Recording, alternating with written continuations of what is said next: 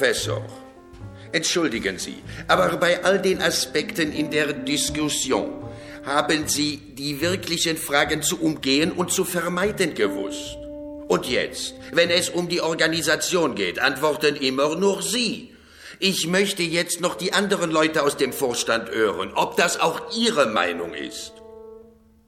Soll ich das als Misstrauen mir persönlich gegenüber verstehen? Herr Professor, Sie wissen genau, dass das nicht gemeint war. Es geht darum, dass wir ganz in Ihrem Sinne organisatorische Voraussetzungen für eine wirklich effektive Arbeit geschaffen sehen möchten. Und doch klingt das so. May I say something? I think that a man who has put one dot on the map has got more right to speak than a man who has tuned his violin all his life. Meine Damen und Herren, ich persönlich möchte sehr gerne die Tür unseres Verstandes für die jüngere Generation öffnen. Das ist nicht, worauf ich zielte. Ich will nicht Leute aus Altersgründen aus dem Vorstand stürzen. Persönliches Alter, ob es hoch oder niedrig ist, und eventuelles Veraltetsein von Ideen sind zwei völlig verschiedene Sachen. Auch alte Ideen müssen nicht unbedingt veraltet sein. Nur empfinde ich manchmal, dass unsere Fragestellungen, mit denen wir arbeiten, nicht nur alt, sondern auch veraltet sind. Und so fällt es natürlich schwer mitzuarbeiten. Und man kann jetzt nie wissen, weil wir unseren Vorstand nicht selbst wählen, ob man mit seiner Meinung allein steht oder die Mehrheit hinter sich hat. Wenn ich wüsste, dass ich mit meiner Meinung allein stehe, würde ich natürlich diszipliniert mitarbeiten. Aber wenn eine Mehrheit nicht die Möglichkeit hat, die Ideen zu korrigieren, dann läuft etwas falsch. Das ist kein Altersproblem. Nur müssen im Vorstand Leute arbeiten, die die Mehrheit unter den Mitarbeitern hinter sich haben. Wenn Sie gestatten, sage ich auch noch einige Worte dazu. Ich bin auch alt, aber die Kollegen im Vorstand wissen, dass ich schon seit vielen Jahren der Meinung bin, dass es ungerecht ist, wenn die Mitarbeiter gar keinen Einfluss auf unsere Arbeit haben. Ich glaube, dass das in unserer Zeit nicht mehr möglich ist. Auch nicht, weil auch in unserer Wissenschaft neue Ideen aufgekommen sind, denen in unserer Leitung nicht genügend Rechnung getragen wurde. Darin gebe ich Herrn Koning der ein kluger Mann und ein guter Mensch ist und den ich auch als Mitarbeiter und als Nachfolger sehr schätze, recht. Wenn wir der jüngeren Generation keinen größeren Einfluss auf unsere Arbeit einräumen, dann sehe ich die Sache unseres Unternehmens verloren.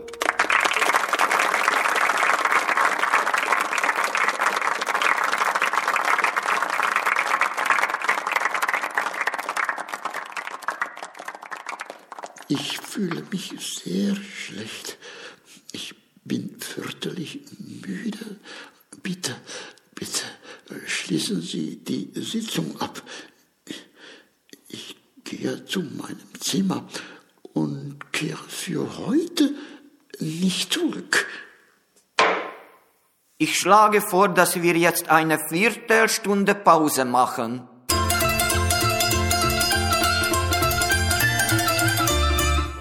Gij waart subliem. Es war sehr gut. Ik heb naar u gekeken, maar zelfs uw hand waarin gij uw papieren had trilde niet. Ik was kwaad. Ah, dat was niet te merken. Misschien dat gij wat meer kleur kreeg. Maar wat gij zei was zonder emotie en to the point. Het was alsof ik op een vergadering van ons tijdschrift was. Horvatic heeft zijn ontslagbrief geschreven en ligt te huilen in zijn bed. Ik weet niet hoe dit moet aflopen. Het was aardig van je om het voor me op te nemen. Ik vond dat je dat verdiende. Je hebt het goed gedaan. Meine Damen und Herren,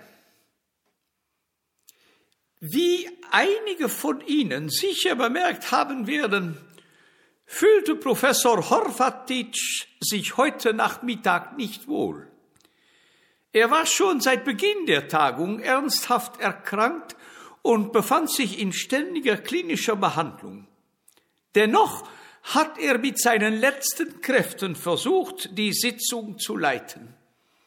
Jetzt fühlt er sich jedoch nicht länger dazu imstande. Deshalb schlage ich vor, die jetzige Diskussion für diesen Augenblick zu schließen.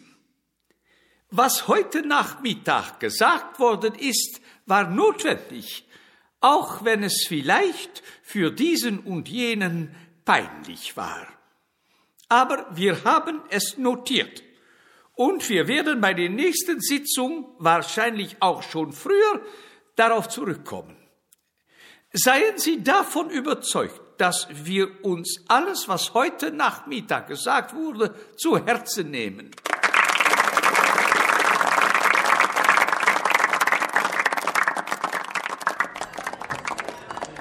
Wie sagen Sie auf Wiedersehen auf Niederländisch? Tot ziens. Bitte schreiben Sie es mir auf diesen Zettel.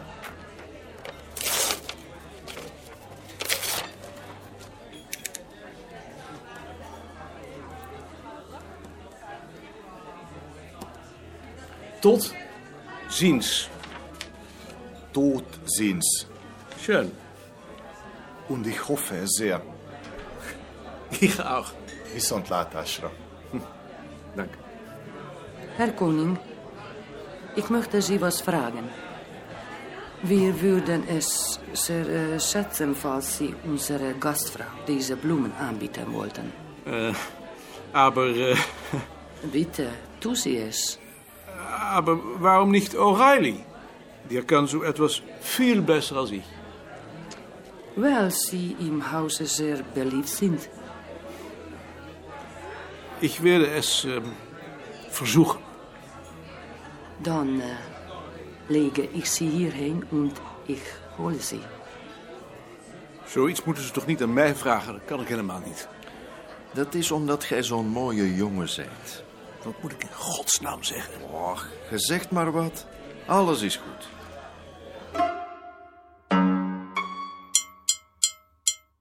Frau Kovac hat mich gebeten, Kovácsné megkért engem, Ihnen aus unseren Namen zu danken hogy a nevünkben köszönjem meg azt a nagy vendégszeretetet, für die große Gastfreundschaft, die wir von Ihnen genossen haben. azt a nagy vendégszeretetet, amiben önök által részesültünk. Und ähm, dass sie das mich gefragt hat und nicht jemand, der das viel besser kannte, És hogy ezt tőlem kérte, és nem attól, akinek sokkal jobban tudná teljesíteni, ist wohl, weil ich besondere Gründe habe für diese Dankbarkeit. annak egy na, különleges oka van. Aber das ist nur ein Beweis dafür, wie ähm, groß Ihr Herz und die Herzen Ihrer Mitarbeiter sind. De az csak az egyik bizonyítéka annak, hogy milyen szeretőszívű ő és az ő kollégái.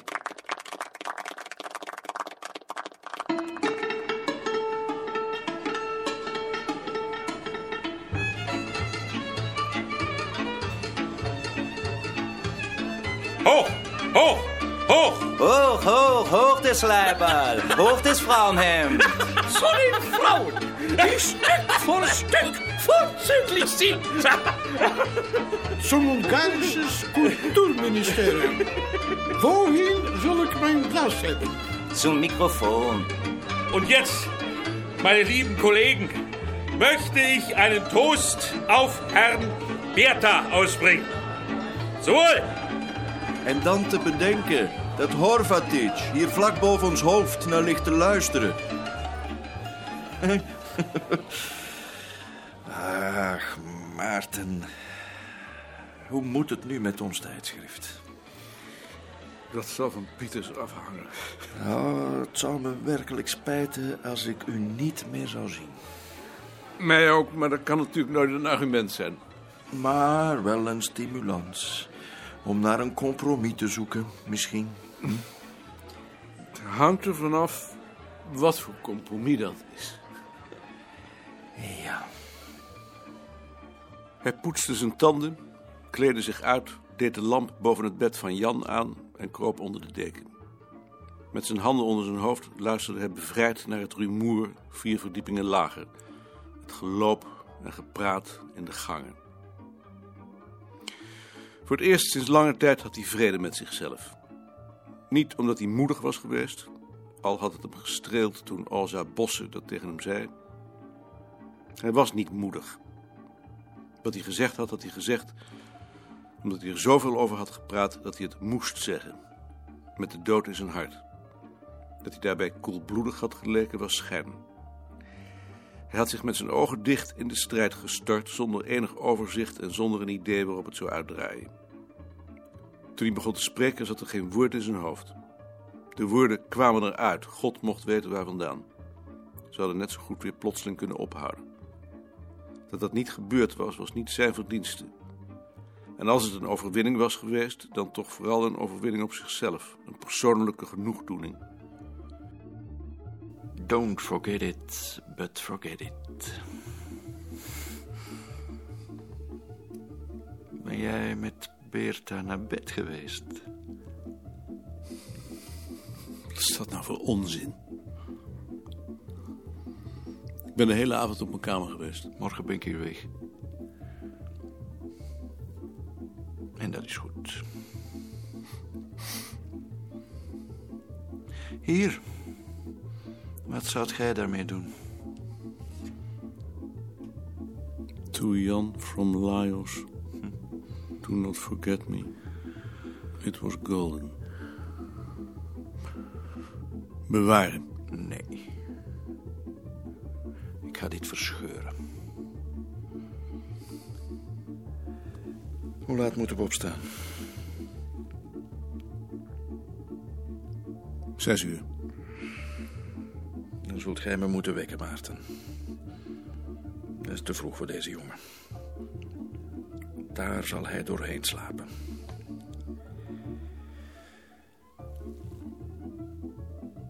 Ik heb u vanmiddag alleen laten gaan in dit discussie.